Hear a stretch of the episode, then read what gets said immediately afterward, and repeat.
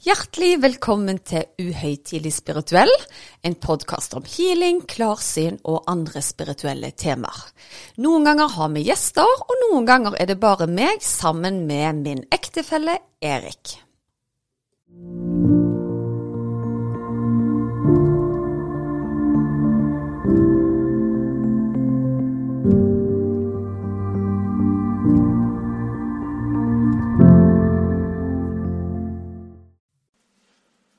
Var det fredagskveld, og tacoen er fortært igjen, Susanne. Det er han. Da er vi i gang igjen. Ja, du har jo hatt en kampanje nå på eh, Instagram denne uken. Kan ikke du fortelle litt om det? Kampanje og kampanje. altså, det er jo en måte å si det på. Eh, men opp gjennom min tid som healer så får jeg jo veldig mye spørsmål om mangt. Og vi har òg fått inn noen spørsmål om podkasten. Både om hvordan vi er som par, hvordan jeg jobber, om vi har noen tips på forskjellige arenaer. Så da tenkte jeg rett og slett at vi kunne lage en episode hvor folk fikk stille akkurat de spørsmålene de ville. Og det har tikka ganske mange spørsmål. Veldig mange like, så nå tar vi på en måte og drar ut de som ble stilt. Ja, så gøy. Jeg tenker vi skal bare gå i gang. Okay. Dette er jo vel så spennende for min del, tenker jeg. Ja, det er spennende for meg òg, for jeg har egentlig bare lappa de sammen, og så for meg går det egentlig bare å gå igjennom de ett for ett spørsmål, tenker jeg. Ja. Eh, Det første spørsmålet som kom inn, eh, blir du helt frika ut, eller blir du liksom overraska noen gang over dine egne evner? Freaked out! Nei, vet du hva, sånn som jeg sa eh, Eller i første episode, da, så fortalte jeg jo litt om hvordan evnene mine kom. Og jeg har vel aldri vært freaka ut. Jeg er egentlig bare veldig imponert over hvor utrolig intelligent healingkraften er. Og jeg blir like overraska hver gang når noen blir bedre av plagene sine. Så jeg vil heller si amazed enn freaked out. Det skal veldig mye til for at jeg blir freaked out av så gode eh, krefter. Ja, ok. Uh, dette har vi jo sagt om gjerne før òg, men hvordan opplever du at eh, Altså, kjenner du alltid noe når folk er rundt deg, eller kan du skru det av? Vet du hva, det er en, Om det er en bevisst eller ubevisst ting, så er nok det en treningssak. Og jeg har nevnt tidligere òg at i starten, når jeg fikk evnene mine, så var det veldig vanskelig. Da brukte jeg det både som partytriks, og når jeg satt på bussen, så kjente jeg hvor folk hadde vondt og sånt. Det gjør jeg ikke lenger.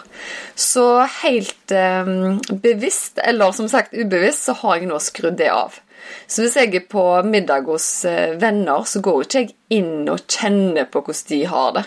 For da tror jeg jeg hadde blitt ganske sliten hvis jeg alltid skulle ta en hvordan andre hadde det, da. Til enhver tid. Hvordan fungerer dette med liksom, når du får følgere på Instagram, og når du får liksom, eh, spørsmål på nettet sånn som dette her? Er dette, Tuner du deg inn på den som sender spørsmål? Ja, stemmer det. Jeg fikk et spørsmål om jeg noen ganger tuner meg inn på mine følgere på Instagram. Og det gjør jeg rett og slett ikke, av flere grunner. For det første så krever det ganske mye å gå inn på en energi og lese den av. Eh, Det andre er at jeg må ha samtykke. Og det er nesten som eh, noen må ha samtykke for å gå inn og lese en journal, så blir det litt på samme måte eh, overfor meg, da.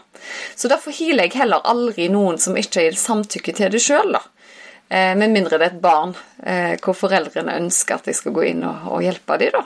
Men Er det en, en regel, eller er det en regel du har satt for deg sjøl? Vet du hva, det er, det er en regel. Eh, så når du går igjennom sånn godkjenning gjennom f.eks. Det norske healerforbund, så er det av etiske grunner, så skal du ikke gå inn på energien til noen som ikke vet om det. Så det gjør jeg ikke. Ja. Så for de som ikke visste det, altså før du ble eller starta som healer, så gikk du altså gjennom et kurs i regi av Healerforbundet? Eh, Et etikkurs, ja. Jeg har aldri gått på kurs som healer, men etikkurs, det stemmer. Det, det, det må du for å bli godkjent av forbundet, og det syns jeg er veldig greit. For da lærer du deg litt om, om hvordan du skal forholde deg til klienter, hva du har lov til, og hva du ikke har lov til. Men jeg skjønner at folk blir nysgjerrige på om at er det sånn at uansett hva person du er i kontakt med, så ser du på en måte alt de gjennomgår, da. Men eh, det er ikke sånn det, det fungerer for meg, i hvert fall. Så jeg, eh, jeg eh, er en helt vanlig person i møte med andre mennesker, med mindre jeg er på jobb. ja. Ok, For de som husker episoden i Seinfeld med Elaine som data en psykolog Ja! Han ikke klarte å konsentrere seg når de var i Paris fordi at I was just thinking about this patient. Ja, faktisk. Sånn opplever jeg faktisk deg òg av og til. Ja, og så er det jo selvfølgelig sånn at når, når du er veldig intuitiv, så, så er det selvfølgelig situasjoner med mennesker hvor jeg gjerne kan få en ubehagelig følelse i magen at eh, den er ikke akkurat den han gir seg ut for å være. Men da inviterer jeg de bare ikke på middag, for å si det sånn. da. Eh, men jeg går ikke dypere inn i det enn enn det. Men jeg må innrømme en ting. Er jeg på fest med noen og vi får litt vin, da, og de begynner å spørre, så kan det være at jeg, eh, jeg får opp eh, en del informasjon som jeg kan dele med dem. Men det er mer et partytriks, altså. Ja, ok. Yes, Over til neste spørsmål. Eh, hvis du har en klient som går på medisiner som er foreskrevet av lege, og så med disse medisinene så følger det da bivirkninger. Hva som helst bivirkninger. Eh, og så anbefaler du jo å, å gå på medisiner, eh, men hvordan kan en healer jobbe altså, med disse bivirkningene? Eh, det, ja, Forstår du på spørsmålet? Jeg, jeg forstår spørsmålet. Da lurer de egentlig på om at jeg kan heale bivirkninger av medisiner, eller om healing kan hjelpe i, mens du går på medisiner. Da. Og det må jeg si at er todelt. De aller fleste medisiner går det helt fint å jobbe parallelt med. Vi kan styrke kroppen sånn at du tåler medisiner bedre for, for det første. Og så kan du òg eh, gå inn og jobbe. Si du blir svimmel, eller du får munntørrhet, eller at du eh, føler deg urolig i kroppen. Det er absolutt ting vi kan gå inn og prøve å justere, da. Eh, men jeg har opplevd at f.eks. hvis vi tar og drar det til helt andre kanten, da, f.eks. rusmisbrukere. Jeg syns det er vanskelig å jobbe med rusmisbrukere som er rusa. Da er det akkurat som kraften ikke vil nå helt inn. Og det syns jeg er vanskelig. Men hvis de kommer til meg når de er på avrusning, da, eller er på en måte har kutta ut eh, eh, rusmidlene, da er det mye lettere å jobbe med dem. Ja. Og bare sånn en ad nota til det, så har vi jo snakket om før òg at uh, vi anbefaler jo aldri noen å kutte ut medisiner. Du Aldri. Skal, du skal følge legens råd. Um, og det er alfa og omega. Alltid følge legens råd. Og hvis du kommer til noen som helst alternativ behandler som sier at du skal kutte ut medisin uten at du har samråda deg med lege, det er ikke greit. Medisin først, healing som et alternativ i tillegg, pleier jeg å, å si da. Men, men det, er, det er som sagt noen medisiner som kan gjøre det vanskeligere. Det er det absolutt, og det må vi bare eh, erkjenne. Men stort sett så jobber jeg fint med de fleste som må gå på medisiner. ja. Ok. Og så et spennende spørsmål som blir litt abstrakt. Ja! Eh, Jeg har i mange år sett for meg et lerret og maleutstyr. Og har i hodet bilder av at jeg maler. Men det er både sterke farger og sjø og himmel. Er det en liten kunstnerspire i meg? Det tror jeg så absolutt. Og da er det nok din indre stemme som prøver å fortelle deg at nå, nå bør du ta malerkosten fatt, altså. Så det tror jeg er et veldig tydelig bilde. Eh, Det er jo mange det som gjerne drømmer at de maler et bilde, eller får litt sånne små beskjeder via via at du bør ha et mer kunstnerisk uttrykk. Men jeg tror ikke du får det tydeligere enn det. Så hvis jeg hadde sett meg sjøl stå med en malerpensel, så hadde jeg nok begynt å malt. Ja, Så da er det bare å melde seg inn i Claes Olsson-klubben. og- Ja.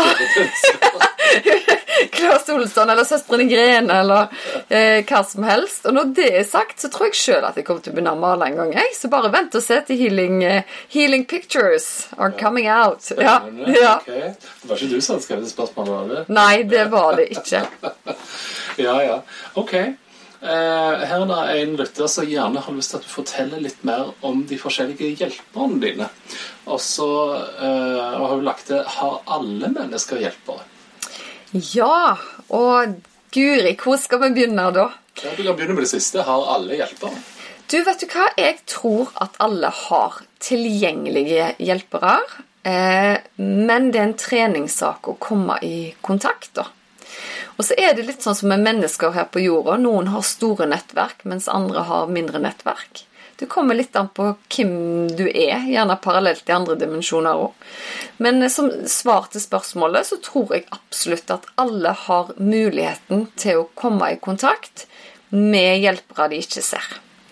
Eh, og hvis du sammenligner litt her nede på jorda, så kan du komme i kontakt med veldig hyggelige, gode mennesker, og du kan òg være uheldig og komme i kontakt med de som ikke er så hyggelige.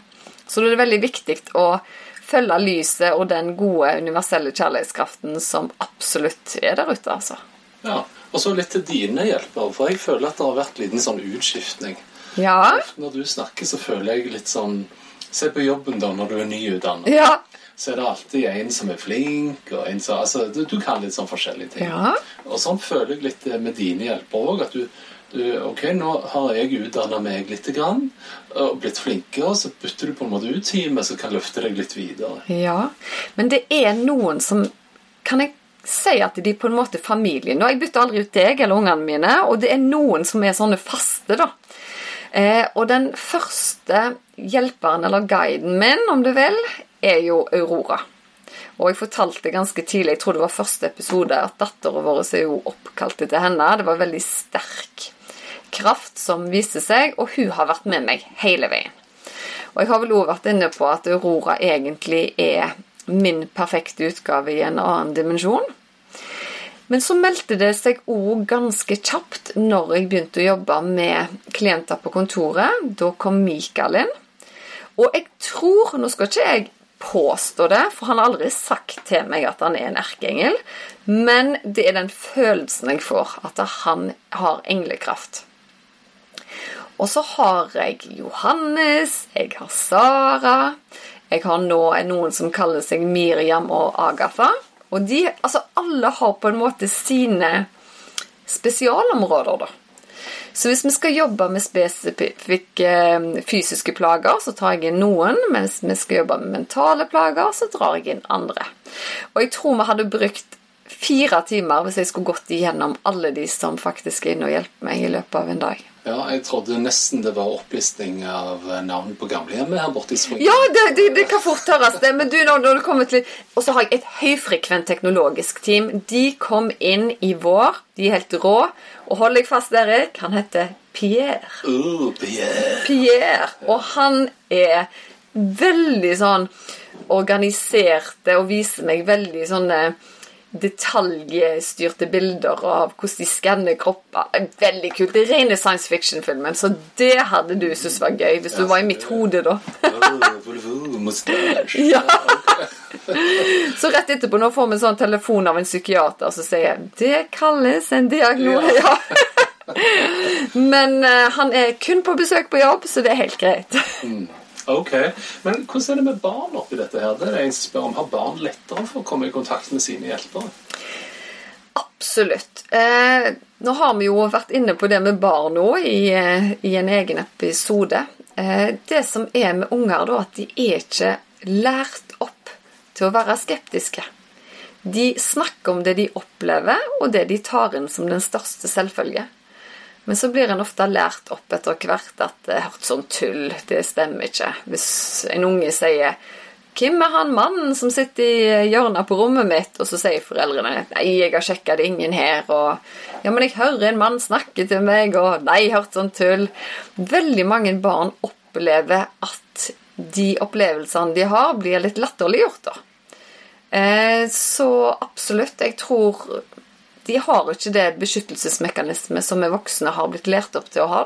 Altså de, mange har sikkert hatt et barn sjøl eller en venn med en imaginary friend, altså oh, yes. en usynlig venn. Er det da kan være en hjelper, da? eller?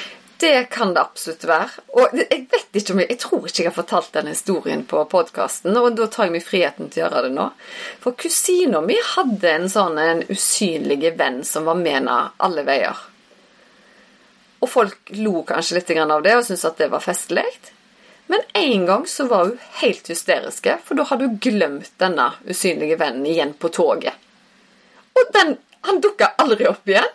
Og hvis du da skal tenke deg at det er liksom I fantasien, da, så kunne du bare sagt sånn Å, nei, der var han igjen, sant? Han hoppet av toget likevel og kom hjem til meg, eller Men hun sørga skikkelig fordi hun glemte sin usynlige venn på toget. Og det har både hun fortalt, og mora fortalt meg den historien. Ja, ja. Det er ganske kult. Ja, det er litt stilig. Ok, så er det spørsmål til oss, faktisk. Hva gjør dere for å styrke forholdet deres? Ja, Nå er jeg spent, Erik. Nå kan du få lov å svare først. Åh, ja, vi kunne hatt en hel episode. Ja. Nei, jeg tenker det at eh, Jeg må jo si jeg er veldig glad i livets hjul. Altså, For de som ikke er kjent med det, så består livet mitt av åtte kakestykker. Med bl.a. helse, familie, venner, jobb, penger osv. osv. Og det som jeg tenker er viktig eh, hvis du skal gjøre en forandring i livet, da, det er jo at oss som par at vi er liksom åpne med hverandre om hva er det vi har lyst til å forandre med oss sjøl. Sånn at forandringen gjør vi sammen. Og at denne kaken forblir vår kake. Det er ikke plutselig min og din kake. Og det syns jeg er viktig at uh, Så Begynner du med noe nytt, så interesserer jeg meg for det.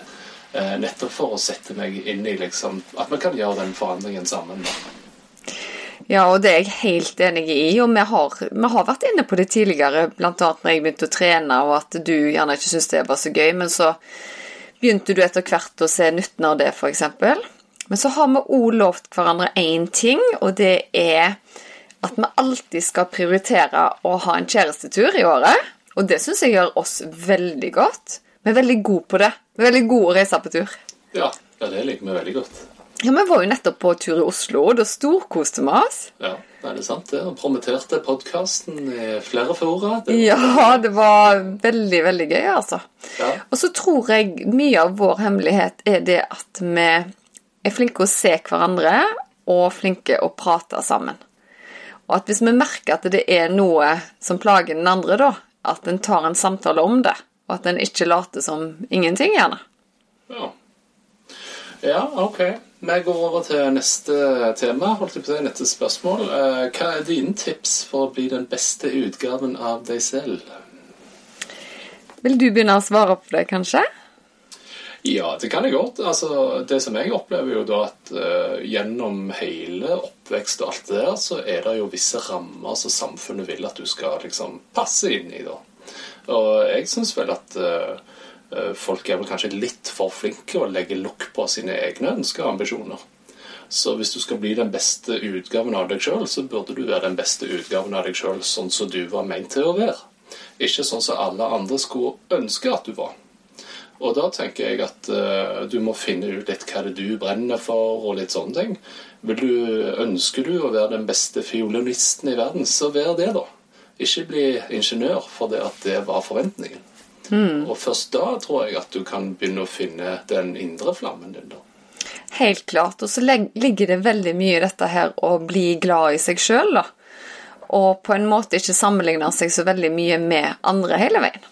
Og det tror jeg at alle, de aller fleste strever til tider. At vi er hardere med oss sjøl enn vi er med andre rundt oss, da. Ja, og jeg tenker nettopp det med å sammenligne seg med andre. Si hvis du tenker økonomi, da. Mm. Si hvis alle har en hundrelapp. Ja. Eh, Så er det noen som velger å kjøpe snop, noen kjøper parfyme, noen kjøper laks, andre kjøper hus, noen kjøper bil osv. Problemet jeg føler vi ofte gjør, det er at vi sammenligner oss ikke med én person, hva han gjorde med den hundrelappen, men vi sammenligner oss med alle. Han har bil, han har hus, han har laks, han har ditt, han har datt. Så eh, nå ser jeg på deg at laks var ufattelig morsomt å bruke pengene på. Men du ser poenget. At vi sammenligner oss ikke med den hundrelappen, hvor den tar veien.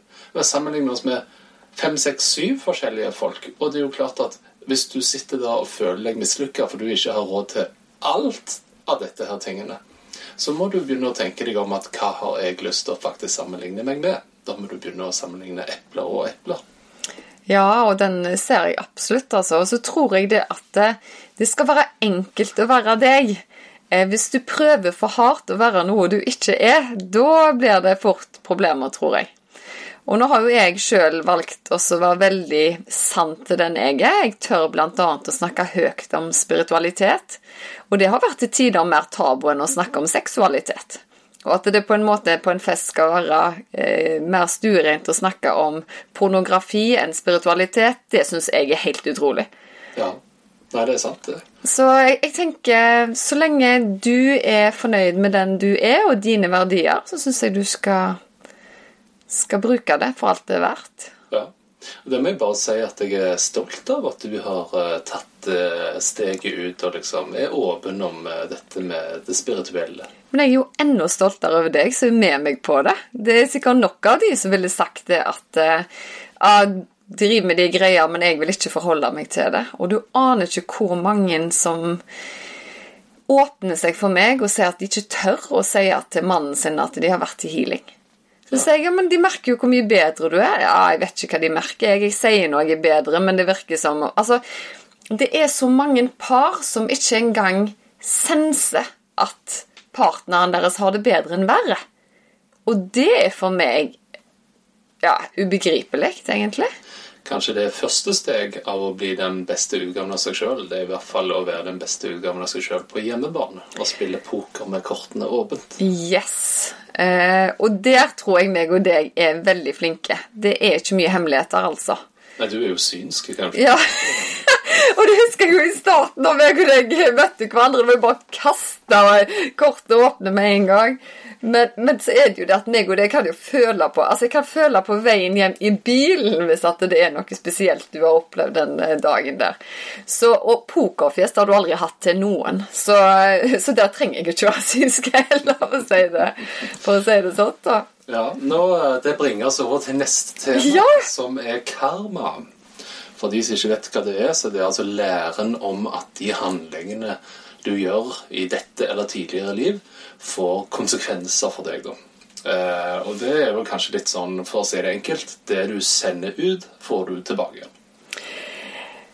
Jeg tror jo definitivt på det. Eh, da vil alltid noen si ja, men hva med de stakkarene nede i Afrika som opplever grusomme ting, og har de fortjent det mer enn noe Nei, altså, der går ikke jeg. Men fra mitt eget perspektiv, da, så tenker jeg alltid at vi får på en måte det vi sender ut, da. På den ene eller andre området uansett. Og nå har jo jeg vært i regresjonsterapi, det fortalte jeg jo litt om i forrige episode. Og det er nok helt sikkert aspekter av det jeg tar med meg videre, tenker jeg da. Ja. ja, jeg tenker ikke vi trenger å legge geopolitikk inn i dette her. Hvis du drar det inn altså Karma kommer jo fra religioner som du starter innenfra, ikke sant? Eh, og jeg tenker liksom det, Hvis du drar det til La oss tenke hverdagen i Stavanger. Hvis du gir fingeren til noen i trafikken om morgenen, da tviler jeg på at du får en fin dag. for å si Det sånn. Det er jo karma. Det er karma, og det har, eh, har meg og deg diskutert noen ganger. Men det er jo, jeg lurer litt på sånn eh, i forhold til eh, helse og sånne ting. Altså Når du da healer veldig mange, og de kommer med forskjellige plager, påvirker det din helse? Vet du hva, når, det gjelder det, så kan jo ikke jeg svare med 100% sikkerhet at det ikke gjør det. Men når det kommer f.eks. til forkjølelser og virus og den type ting, så er jeg veldig skånt det. Skjer nesten ikke. Bank i bordet, som jeg sier da. Jeg har selvfølgelig opplevd å bli sjuk ego som alle andre, men jeg tror, jeg, har, jeg tror jeg er en av de få som ikke har tatt en koronatest, blant annet, for jeg har ikke vært forkjølte. Men som healer så slipper du ikke unna sykdom. Langt ifra. Jeg får vondter, og løfter jeg noe feil, så får jeg gjerne vondt i ryggen og den type ting. Men jeg tror ikke at det, det har noe med klientene mine å gjøre. Jeg velger å tro at jeg er såpass beskytta at jeg blir rensa mellom, mellom hver klient, men det er jo umulig å si. Så det er ikke sånn så jeg hørte det var en som hadde en teori om at eh, når du healer, så på en måte fyller du ryggsekken med vondter og alt der, og så bang, imploderer det på deg sjøl.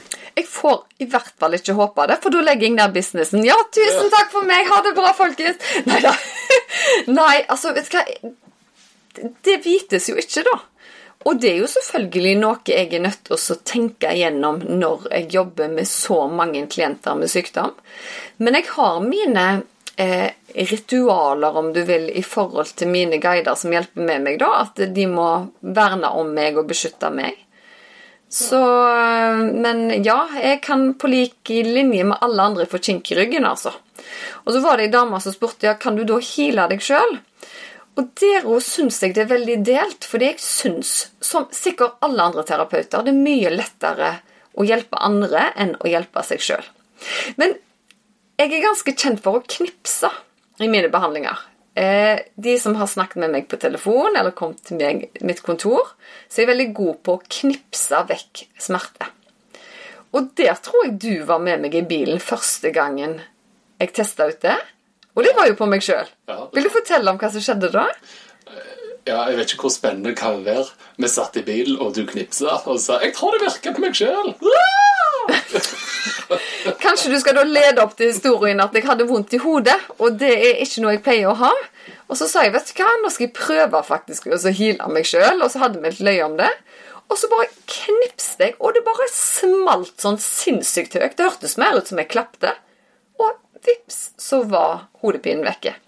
Og jeg tror ikke jeg har hatt vondt i hodet etterpå, og det er vel sånn 15 år siden nå. Ja. Men jeg kan jo innrømme at jeg kan stå og stelle litt på kjøkkenet og litt sånn. Så plutselig hører jeg et høyt knips. Så tenker jeg, hva, hva i alle dager var det? Jeg bare ligger her og healer meg sjøl, jeg. Ja. Så- ja. Så, så jeg bruker litt teknikker på meg sjøl, altså. Men eh, jeg skulle ønske det var sånn at healeren aldri fikk en plage, men sånt eh, er det ikke. Ja, du har jo et opplegg eh, hvor etter klienten har vært hos deg, så jobber du ofte på kvelden. Eh, og da er det en klient her, som- eller en som har spurt eh, Går dette bare autopilot, eller må du gjøre en innsats da òg? Det kommer helt an på hva slags klient det er, og hvor godt jeg eh, kjenner på en måte energien deres. Mye går på autopilot, men det betyr ikke det at jeg ikke må konsentrere meg. Men da har jeg et opplegg altså, som sier at eh, ok, i kveld så skal jeg gå gjennom et visst antall eh, klienter. Og hvis det er noen hvor jeg ser at energiene ikke jobber akkurat i den retningen jeg vil, så tuner jeg meg litt inn, og så justerer jeg litt. Grann. Eh, men du som er med meg hver eneste dag, du merker jo ikke nødvendigvis at jeg jobber. Så jeg kan ha en samtale og allikevel jobbe, altså. Ja. Så jeg vil si at det var en veldig fin måte å se det på. Det går på autopilot. Og jeg, hadde jeg vært midt oppi noe annet, laga middag eller eh, ute i hagen, whatever, så, så blir jeg bare påminnet av mine hjelpere at nå er det den og den og den vi skal gå inn og justere. Ja, stilig. Ganske kult. Ja, for jeg merker jo sånn, Du sier bare 'nå må jeg jobbe', og så det er jo ikke sånn at du svever over sengen.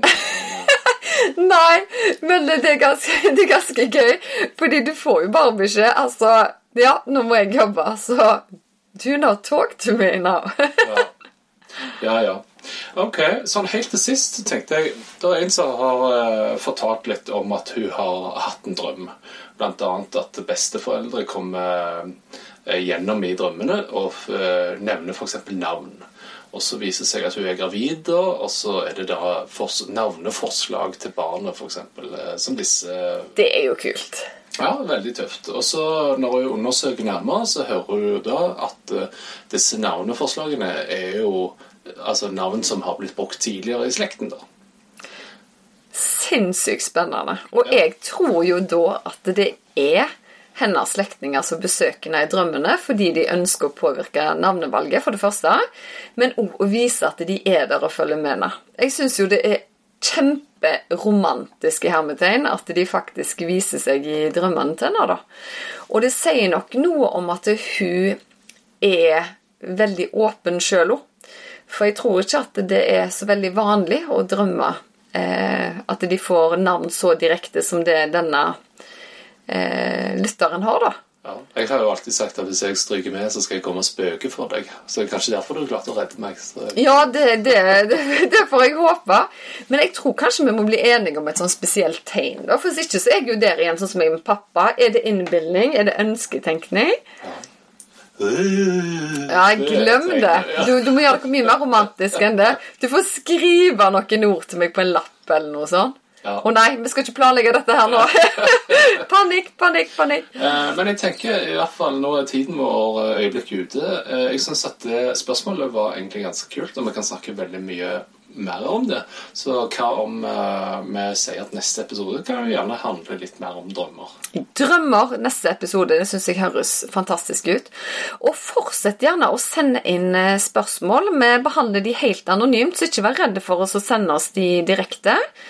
Og følg oss på Instagram, og tommelen opp for alle dere som gidder å følge med. Det er kjempegøy. Ja, eh, I skrivende stund holdt jeg på å si, så er det altså over 8000 nedlastninger eh, av eh, episoder. Og det er fantastisk gøy og utrolig inspirerende å møte mange av dere som lytter på, og høre hva dere syns om podden òg. Tusen, tusen takk, og fortsett gjerne å lytte på. Det setter vi veldig, veldig pris på. ikke minst gi tilbakemeldinger, for det er vi veldig avhengige av for at vi skal kunne fortsette. Yes. All right. Jeg håper du har en strålende dag. Ha det godt. Ha det!